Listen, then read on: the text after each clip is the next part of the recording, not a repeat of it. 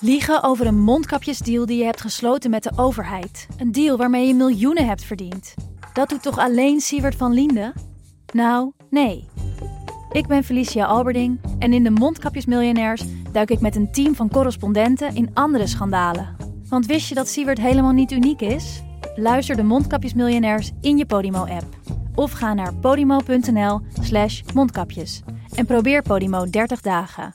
podimo.nl slash mondkapjes. Je rijdt dus door een oorlogsgebied op een, op een vellig, terwijl het keihard regent en overal pikdonker wordt. Nee, we durven niet te stoppen. En je- eh, ja, eh, Joep is nooit bang. Joep Vermans, de kamerman, die was nu ook echt bang.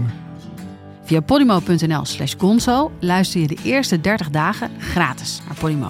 podimo.nl slash gonzo.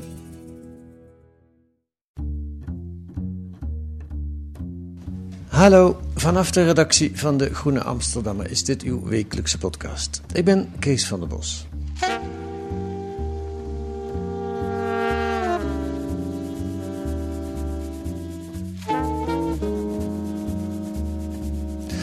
Het verhaal is inmiddels bekend. Internet zou een vrijplaats worden waar de democratie van zou groeien. Dat was het idee begin jaren 90. En nu, nu zitten we met een monster wat ons controleert, wat alles van ons weet en ons opsluit in het gelijk van vele bubbels. Kan dat nog veranderd worden? Is een beter internet wel mogelijk?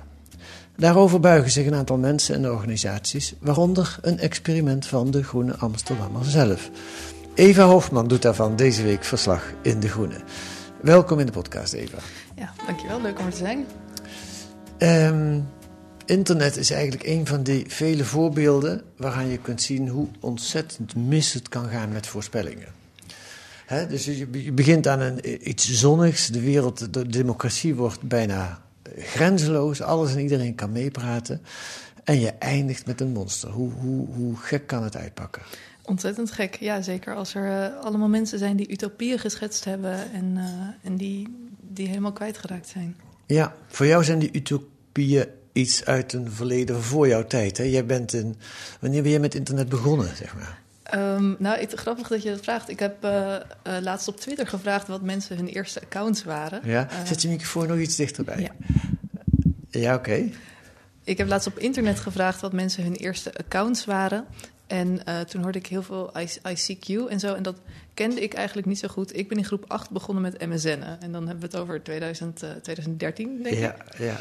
En ehm, dus ja, ik ken vooral het internet van de platforms. Van vrij snel daarop gingen we eigenlijk allemaal op, eh, op Facebook. En eh, Ja. nou ja, dat is nu een beetje voorbij. Maar eh, dat, dat is het internet dat ik ken. Dus die, die utopische verhalen van vroeger, daar ben ik eigenlijk pas veel later achter gekomen dat dat er überhaupt was. Dat Ja. er ooit een, een, eh, een leuk verhaal was. Ja, Voor jou zijn dat geschiedenisverhalen. precies.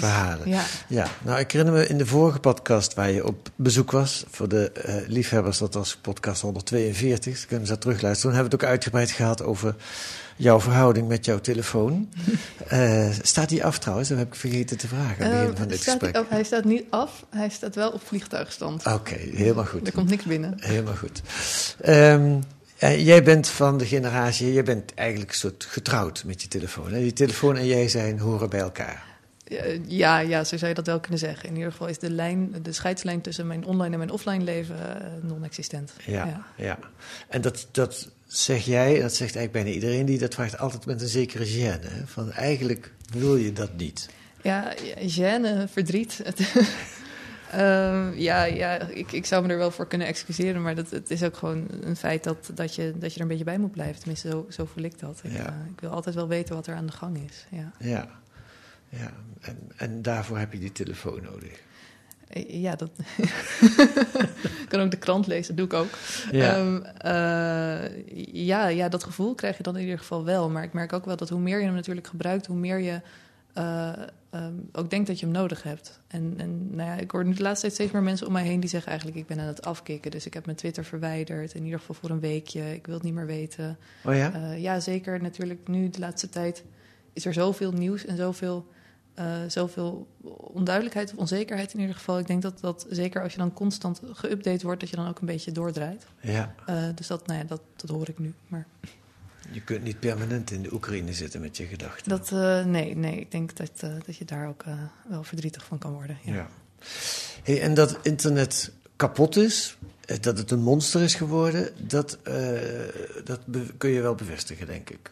Ja, ja, ja, nou ja, goed, ik heb het nooit heel gezien, maar... Zet ze in grote lijnen, of in een paar woorden, want we gaan naar de oplossingen toe, maar eerst het mm -hmm. probleem schetsen. Wat is het grootste probleem met internet? Het, het grootste probleem is uh, dat je eigenlijk niet uh, zonder bepaalde platforms kunt. Dus, um, platforms, dat zijn ja, Facebook. Facebook of Google. Um, het is heel moeilijk om het internet, eigenlijk bijna onmogelijk om het internet nog te gebruiken zonder dat je afhankelijk bent van platforms die niet per se het beste met je voor hebben. Dus um, nou ja, dan ik bijvoorbeeld, ik kan niet met, met mijn vrienden uh, praten of met collega's of met uh, familie zonder dat ik gebruik maak van bijvoorbeeld WhatsApp. En nu is er Signal, maar heel veel mensen zitten daar nog niet op. Of die, nee. die, overstap is ook heel, heel moeilijk om te maken. En uh, wat je de afgelopen jaren hebt gezien, is dat uh, platforms die eerst alleen messaging apps waren, of, of die, uh, nou ja, waar je dan een social medium had, dat dat is ontzettend uitgebreid totdat je eigenlijk overal over het internet gevolgd kunt worden. Ja. Um, als je YouTube-filmpjes kijkt of als je iets wil opzoeken of als je je agenda wil bijhouden, dat is allemaal Google. Um, en, en de alternatieven die zijn, zijn er wel, maar niet zo heel veel. Of ze zijn toch minder makkelijk in gebruik. Uh, en daar, daar weer van afkomen, dat is ontzettend lastig. Dus die platforms die zijn gemonopoliseerd in handen van een paar grote tech-giganten. Mm -hmm. En die hebben het eigenlijk voor het zeggen. Ja, ja, en wat je ook ziet is dat die um, heel veel maatschappelijke functies ook naar zich toe trekken. Dus uh, nou, ik hoorde laatst iemand zeggen van ja, als ik het schoolreisje van mijn kind wil volgen, dan, dan kan dat eigenlijk alleen maar via foto's op Facebook. Ja. Uh, terwijl ja, een school, een school is al een, een gemeenschap, dus er, er zou helemaal niet een soort tussenpersoon zoals Facebook tussen hoeven zitten, maar die zit er wel tussen. Ja. Uh, nou ja, zo, zo, zijn er heel veel gemeenschappen waar, die eigenlijk afhankelijk zijn geworden van, van grotere platforms. Maar we gaan het oplossen. We gaan het oplossen. ja. er zijn er volgens mij twee manieren om het op te lossen. Mhm. Eén, mm -hmm. uh, uh, dat is niet waar jouw artikel over gaat, maar die wil ik ook behandelen. Eén is de politiek. Ja. Uh, dat wil zeggen, de politiek kan die grote techbedrijven allerlei regels opleggen, wat ze nu maar heel beperkt doen. Uh, en als voorbeeld van hoe slim die politiek bezig is, uh, laat ik een fragment horen, op jouw eigen verzoek overigens, van een hoorzitting van het Amerikaanse parlement in 2018. Mark Zuckerberg was te gast en die werd ondervraagd over uh, Facebook, de macht van Facebook, naar een van die grote tech-giganten. Uh, de senator die de vraag stelt is Orrin Hatch. En dat is niet zomaar iemand. Dat was de, de langzittende uh, Republikeinse senator op dat moment. Inmiddels is hij met pensioen. En luister naar zijn briljante kennis van het platform Facebook.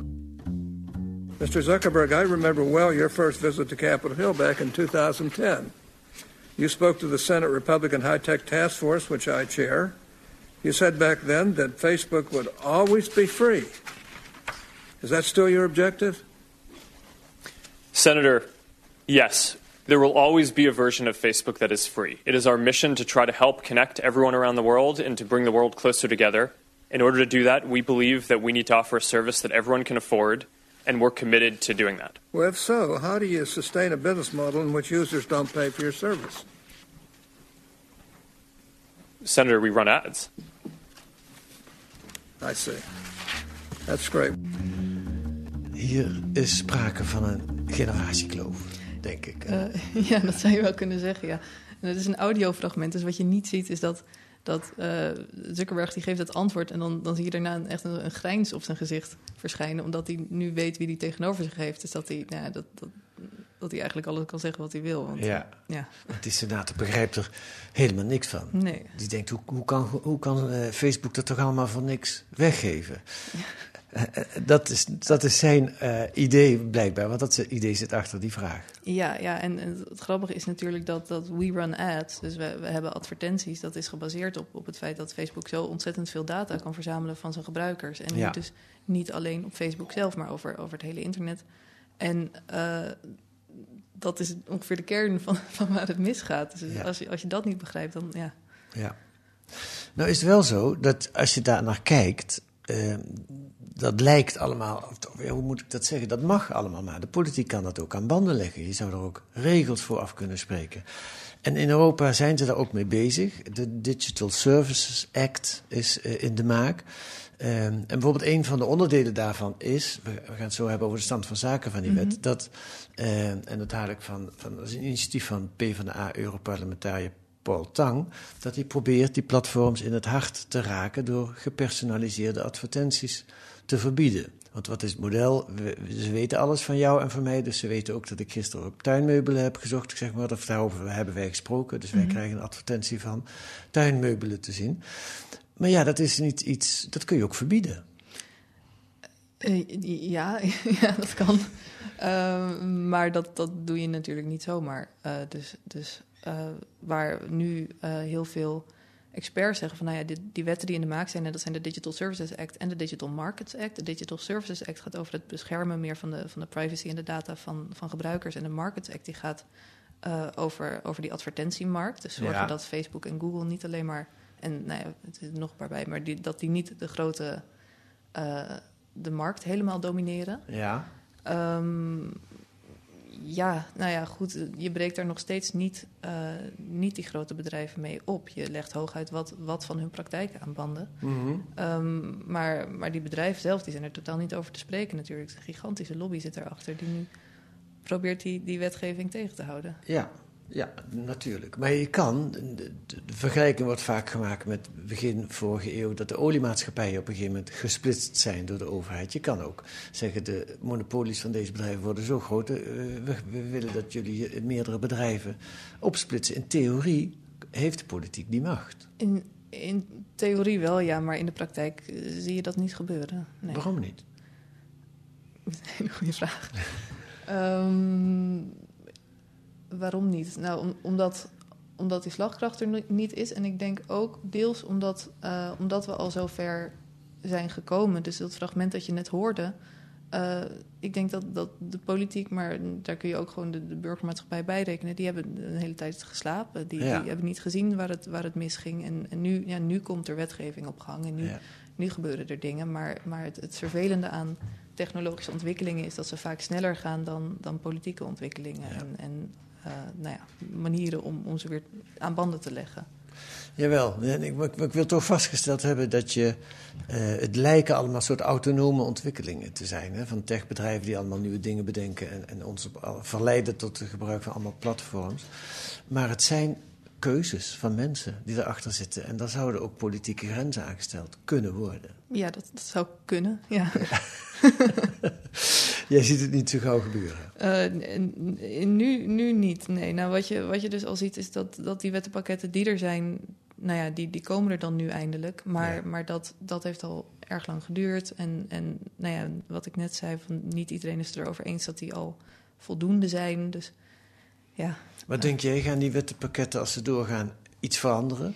Ik denk het wel, maar ik denk ook in combinatie met, uh, nou, met, met andere dingen. Dus met bewustwording, met het, het aanbieden van gezonde of, of, interessante alternatieven, met, uh, nou ja, met participatie. Hmm. We gaan naar de alternatieven. Ja. ja, een zucht van verlichting. Maar daarvoor zit je hier. Vandaag, of eh, ja, dit wordt op woensdag opgenomen. Dus mm -hmm. gisteren voor de luisteraar die morgen kan luisteren. Vandaag start er een, iets nieuws. Dat klopt. Vertel. We, gaan, uh, we zijn in samenwerking met het debat- en onderzoekscentrum De Waag... Uh, bezig geweest met een experiment opzetten... Uh, om te kijken wat de Groene nodig heeft... om met onze lezers in discussie te gaan zonder dat we gebruik hoeven te maken van die grote platforms zoals Twitter en Facebook. Ja, weg met die platforms, we gaan het zelf weer doen. Ja, nou, we gaan het ook nog steeds op die platforms doen. We zijn er nog wel, maar wat we heel graag willen is zorgen dus dat we weer op een onafhankelijke manier in gesprek kunnen. Dat, dat we um, samen verder kunnen denken over wat er, wat er nou nodig is. En, en we willen graag wat dichter met onze lezers in gesprek. Dus we gaan naar de app Element. Ja. En Element is een. Nooit van gehoord? Nee.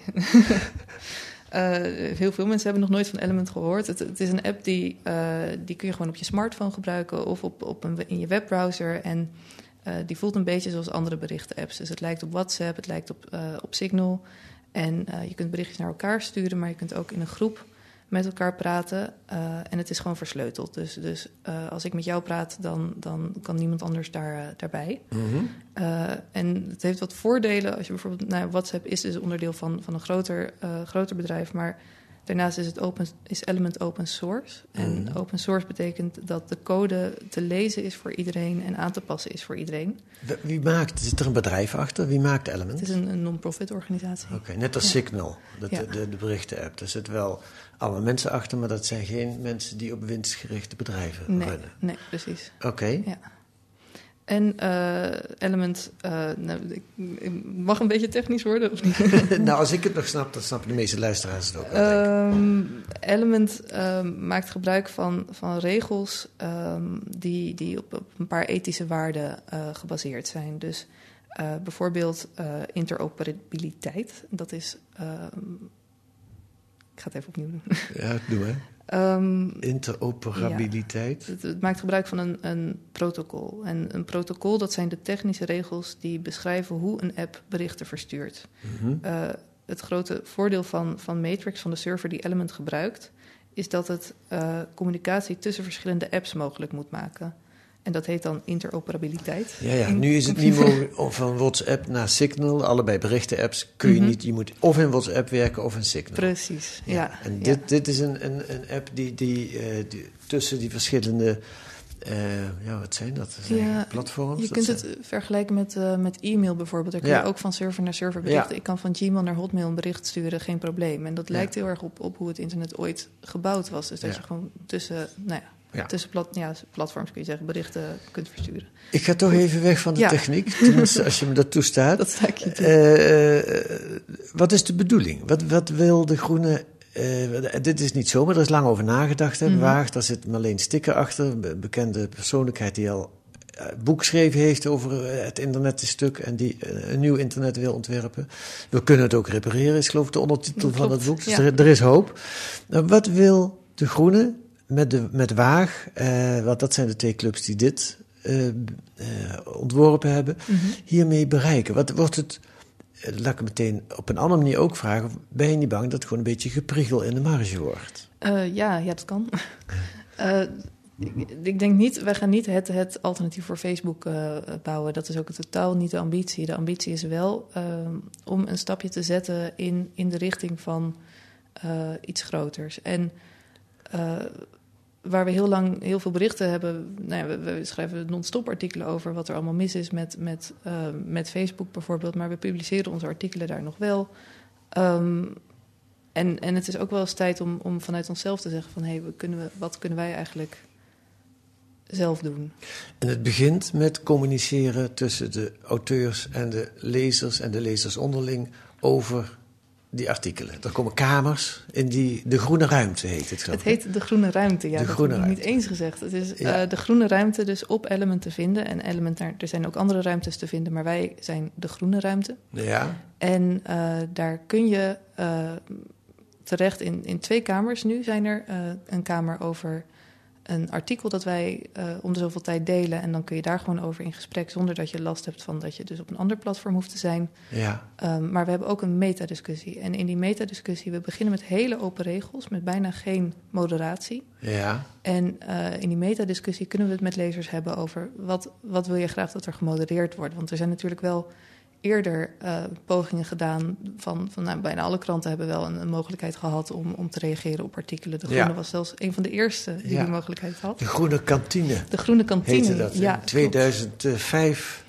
eh, is die gestopt weer, geloof Ja, ik. hè? De- om- ja. Het liep uit de hand. Het was, liep uit de hand, het was te veel werk. Mensen misdroegen zich ook in die groene kantine. Nou ja, precies. En wat, wat wij willen kijken is, ehm, als we beginnen met heel weinig regels, hoe kunnen we dan organisch zien wat mensen nodig hebben? Dus we willen Mhm. heel erg graag dat lezers ook meedenken over wat, wat zij nou willen. Want je zou bijvoorbeeld kunnen zeggen van, nou, ik wil dat mensen eh, altijd met naam en toenaam eh, aanwezig moeten zijn. Dus dat ze geen pseudoniem mogen gebruiken. Of nou ja, goed, mensen mogen wel een pseudoniem gebruiken, maar ik wil in ieder geval dat, dat de, de, groene verifieert dat het eh, echt lezers zijn. Dus abonnementhouders bijvoorbeeld. Mhm. Of, of we willen mensen kunnen wegstemmen die zich eh, misdragen, zodat niet één centrale moderator dat hoeft te doen.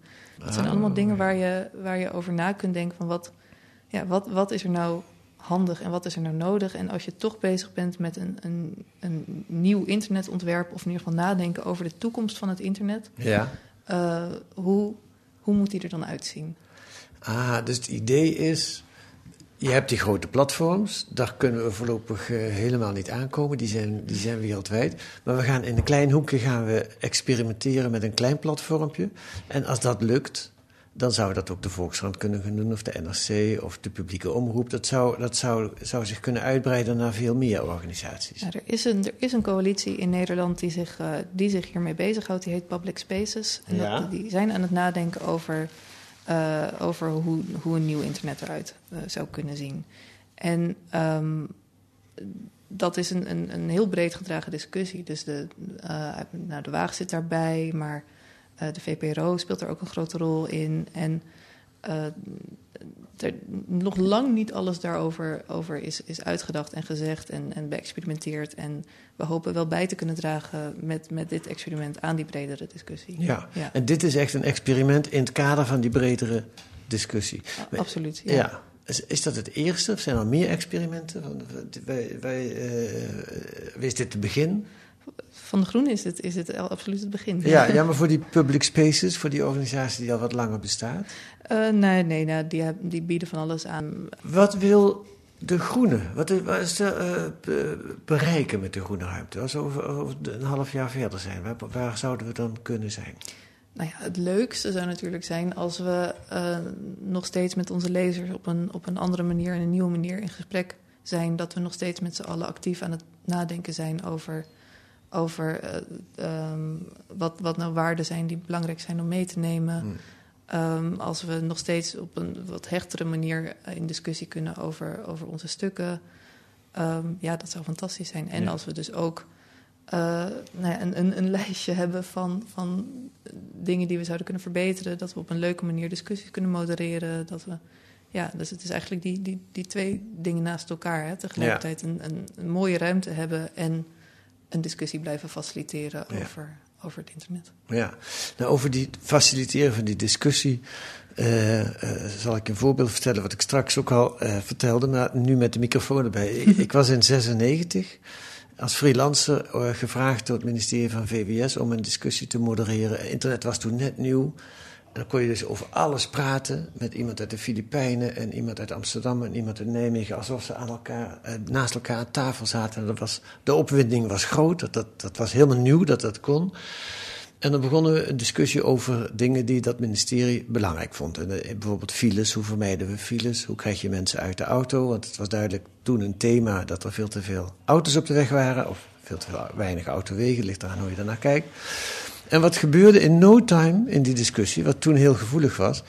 eh, dat ik als discussieleider als een soort politieagent moest gaan optreden. Want er kwamen werkelijk enorm veel, ja, hoe zal ik ze noemen, querulanten eh, die mee gingen doen aan de discussie. Die deden helemaal niet mee om de discussie verder te brengen, maar die probeerden gewoon mensen de bond te snoeren. En die, waren, eh, eh, die, hadden ook, die hadden niks anders te doen, leek het wel. Die waren de hele dag bezig met allerlei onzinnige dingen op in die discussiegroepen te zetten. Ehm, ben je niet bang dat er zoiets gaat gebeuren? Ja, dat is waanzinnig teleurstellend natuurlijk. Dat is ook de reden waarom zoveel, zoveel bedrijven en zoveel platforms die hele discussie hebben uitbesteed aan, aan, aan bijvoorbeeld Facebook. Want die hebben gewoon via een algoritme dat ze, dat ze modereren. Ehm, en die, die handmatige moderatie zeg maar, van bedrijven, ja, dat kost ontzettend veel werk. Ja. Eh, en eh, ja, ik denk, ik denk dat dat ons ook wel veel werk gaat kosten, eerlijk gezegd. Ja. Tenminste, ik, ik hoop dat er een beetje discussie op leidt natuurlijk. Dus dat is alleen maar top. En eh, eigenlijk zou het ook wel fijn zijn als, als het een, af en toe een beetje uit de hand loopt. Omdat we dan juist kunnen zien, hé, hey, waar gaat het mis? En Ja. wat, wat is er nodig? Ja. Ja. ja, en het is ook een onderzoek dan naar om te kijken hoe kun je dat oplossen. Ja, precies. Ja. Oplossen zonder een politieagent in te huren die eh, mensen van het, eh, uit de groene ruimte mapt. Nee, ja, zonder te veel op, op algoritmes te hoeven leunen, zonder eh, een fulltime politieagent te, te hebben, eh, daar, daar een goede middenweg in te vinden. Ja. Ja. Ja. Want de groene kantine, waar je in je artikel ook over schrijft, wat de groene in het begin, in diezelfde tijd toen ik als moderator werkte, een paar jaar later, to- toen kwamen dus allemaal initiatieven op. En de, bij de groene was dat de groene kantine. Marianne van de Bomen. De groene was heel hip in die tijd, was heel modern op internet. Dat is ontzettend modern. Dat is echt, Ja. een, echt een gigantische pionier. Ja. Ja, Eh, maar dat is ook onder andere fout gegaan op de hoeveelheid tijd en werk die er geëist werd van de moderator. Hè? Omdat er zoveel gekke dingen gebeurden. Mm, ja, niet? nee, zij is ook gewoon vertrokken en toen, toen verdween die kantine ook een beetje. Oké. Ehm, maar ehm, eh, nee, ja, we- ja daar, ik, ik moet zeggen, ik zit niet heel erg goed in, eh, in, in dat stukje van die geschiedenis. Dus Oké. eh, het, ik, ik hoor natuurlijk verhalen bij de Groenen, en, en, maar Marianne van den Bomen die is inmiddels ook, ook overleden. Dus die, die, ik kan daar ook niet, niet meer over vertellen. Nee. En er zijn nu nog een paar mensen en die weten er, die weten er wel van. Dus die, nou ja, die vertellen dan dat er bijvoorbeeld op een gegeven moment een functie was om mensen weg te, weg te stemmen. Ja. Of, nou, god, wat was er nog meer? Eh, nou ja, inderdaad dat er, dat er dag en nacht gewoon gediscussieerd werd. Maar ook hele leuke verhalen van mensen die elkaar daar tegengekomen zijn. En nou ja, dus het, het, en, en dit was nog een redelijk kleine groep. Ik heb zelfs ik heb de huisregels eh, bij me, als je die zou willen zien. Misschien kun je er een paar noemen. Ja, wacht, ik pak ze er eventjes bij. Ehm, als ik ze snel heb. Ehm, in de kantine geldt de gebruikelijke netikette, de netetiketten. Dat houdt onder andere in het niet openbaar maken van e-mail van anderen, niet spammen. Ehm, even kijken hoor, geen bandbreedteverspilling, dus zuinig zijn met quoten, zoveel mogelijk knippen in bijdragen waar je op antwoordt. En in het algemeen respect voor anderen, niet te snel klaarstaan met kritische bewoordingen, die op het beeldscherm immers al gauw veel agressiever of denigrerender overkomen dan face-to-face. Ja. En dit, Ja. nou ja, dat is zo'n zo'n logische basis. En voor de rest zijn er eigenlijk heel weinig regels. Je hou je aan de wet. Ja. Ehm, Ja. Daarmee eh, dachten, we, da- dachten we destijds eh, genoeg te hebben. ja. Ja. Oké, het wordt een groot succes, die Groene Ruimte. Er komen ook nog veel meer kamers bij. Eh, auteurs en lezers gaan veel met elkaar in gesprek. Er komen discussies uit, er komen weer nieuwe artikelen, ideeën ook uit voort. Ehm, en we zijn een jaar verder. Probeer eens te fantaseren. Wanneer, wat, zou, wat zou fantastisch zijn als dat bereikt zou worden? Dat zou fantastisch zijn. Het zou fantastisch zijn als we, als we een, een actieve discussie zouden kunnen faciliteren met, met onze lezers, maar ook waar redacteuren bij betrokken zijn, waar iedereen zich heel veilig voelt om, om, eh, om zijn mening te geven en, en eh, waarin, we, ja, waarin we samen gewoon verder kunnen, kunnen nadenken over artikelen. Want ik denk dat die behoefte er zeker is, maar dat, dat daar de vorm nog even voor gezocht moet, moet worden. En dus ook vanuit de groene gedachte is het natuurlijk heel interessant om te horen wat de lezers allemaal vinden over een onderwerp. Mhm. En wat is er voor de lezer te halen? Eh, nou ja, ik, ik krijg ook wel eens een, een ad op Twitter. Ja. Ehm, ik denk dat het voor de lezers ontzettend leuk is om, eh, om, om wat vaker met, met ons in gesprek te kunnen. Ja. En, eh, ik denk dat dat op, zeker zo in het openbaar op, op sociale media niet altijd tot zijn recht komt. En ik, nou ja, als wij een ruimte kunnen faciliteren waar iets meer eh, eh, veiligheid is en een iets, iets gezelliger gesprek gehouden kan worden, dan is dat top. Ja. Ja, en eigenlijk is het het idee van een oud het, het marktplein in het dorp, maar dan nu in de moderne tijd digitaal georganiseerd. Precies. En, en je mag natuurlijk helpen met nadenken over, over die grote vragen waar we nu voor staan. Zo, wat bedoel je? Nee, de, de grote vraag van het internet. Dus hoe gaan we, hoe, ja, hoe gaan we verder? Wat, wat is er belangrijk in, in moderatieland? Hoe vrij mag een, mag een open discussie eigenlijk nog zijn? Eh, ja, ja, dat hoe, soort dingen. hoe gaan we om met querulanten? Wie, wie noemen we een querulant? Wie vinden we lastig? En wanneer sturen we die weg? En op welke manier? Juist. Ja. Ja, ja daar kun je allemaal over meepraten. Mhm. Oké, nou dat lukt. Er komen allemaal regels. Hoe kan het, wordt het, hoe wordt het dan nog groter? Hoe wordt dit nog groter? Ja, ik bedoel, is, is, is er een idee achter van waar we over vijf of over tien jaar zijn, dat er veel meer van dit soort ruimtes zijn? Of wat is het idee om, om überhaupt een gevaar te kunnen worden voor die grote platforms waar we vanaf willen? Nou, een, geva- een gevaar worden, ik denk dat dat, eh, dat, dat moeilijk wordt. Dat is een illusie om dat te Ehm, denken. Maar er zijn, er zijn in Nederland wel initiatieven die, eh, die nu proberen een, een veilige en een interessante publieke ruimte te vormen online. Dus, Hmm. dus een, een plek waar je in ieder geval niet bang hoeft te zijn dat je data ook worden, worden opgepakt als je, als je je daar begeeft. Ja, Eh, je hebt bijvoorbeeld PubHubs van eh, José van Dijk en Bart Jacobs. Die Ja, hebben eh, twee hoogleraren. Twee die- hoogleraren die hebben gecombineerd ongeveer eh, 5 miljoen euro in, in premies ontvangen. En die zijn nu druk bezig met, met het bouwen van niet het alternatief voor Facebook, maar wel een alternatief. Mhm. Ehm, waar, nou ja, waar, waar, waar het veiliger moet zijn. Ja. Maar, ja. Dat is het doel eigenlijk, om plekken op internet te creëren waar het weer veilig is. Waar het veilig is, maar waar ook wel ruimte is voor discussie. Dus Ja. dat, dat, die- dat evenwicht moet, moet wel op een goede manier bewaard worden. En wat zij bijvoorbeeld, waar zij nu mee bezig zijn, is kijken of je, of je organisaties, ehm, of je organisaties als tussenpersoon kunt gebruiken. Dus eh, je hebt nu, nu die hele grote, grote bedrijven eh, waar iedereen zich maar naar moet schikken. Maar elke organisatie heeft weer andere wensen. Dus Mhm. bijvoorbeeld uit mijn hoofd, de VPRO heeft, heeft het programma De Sekszusjes. Ja, Eh, die, nou ja, daar, daarin laten ze, laten ze geslachtsdelen zien. En dat, dat kan eigenlijk niet op de, op de sociale media die wij nu kennen. Want, Facebook gooit dat er ja, onmiddellijk dat uit. gooit, dat, gooit dat er gewoon uit. En, ehm, maar goed, zij zijn er trots op. Zij willen dat laten zien. En zij Ja. willen daar eh, hun, hun gemeenschap zeg maar, ook bij betrekken. Ja, En eh, nou ja, dus zij zouden moderatieregels kunnen, kunnen opstellen... waardoor eh, dat soort dingen wel gedeeld kunnen worden... en waardoor je daar wel een gesprek over kunt houden. Nou, dat, dus dat, zonder dat je dus als individu in je eentje... iedereen moet gaan zitten, gaan zitten aanvinken... als je wil dat die uit je, uit je community verdwijnt, zeg maar. Maar, maar wel met, ehm, ehm, met wat persoonlijkere regels... zou je bijvoorbeeld al een, een veel interessantere moderatie kunnen Ja. voeren. het begin van de groene ruimte. Het, het soort terugveroveren van eh, de publieke ruimte op internet... Die, we- die nu in handen is van grote bedrijven. Een stukje publieke ruimte in ieder geval. Een stukje publieke ruimte. We gaan het meemaken even en we gaan het volgen en we gaan erover meepraten in de, in, in de kamers eh, op de groene ruimte. Heel praktisch, hoe moeten mensen daar eh, komen? Eh, we hebben een eh, artikel op de site gepubliceerd met heel duidelijke instructies. Eh, je downloadt de app Element, je maakt daar een account aan. Dan moet je even terug naar de groene om op de link te klikken, zodat je, op, eh, nou ja, zodat je in de groene ruimte terechtkomt. En dan kun je aan de slag. Nou, ehm, ik denk dat we dat ook in de tekst onder deze, de show notes heet dat, van deze podcast eh, even moeten zetten. De link naar dat, eh, dat, dat, dat artikel op de site van de Groene en dan kunnen mensen daar terecht. Ehm Even Hoofdman, eh dankjewel voor dit gesprek. Dankjewel.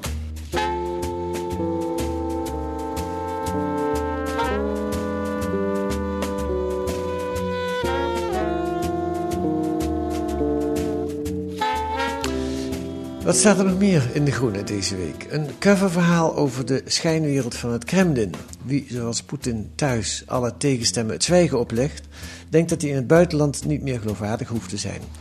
Tenminste, dat stelt oud-Rusland-correspondent Remmel van den Boogaard. En dat is in elk wel wat er met Poetin aan het gebeuren is op dit moment. En een achtergrondartikel over het klimaat en het grote geld. De riskmanagers van grote financiële instellingen blijken de financiële risico's van klimaatverandering nog maar mondjesmaat mee te wegen bij hun beslissingen. Terwijl bijvoorbeeld de overstromingen in Zuid-Limburg toch echt een voorbeeld zijn van grote fysieke risico's.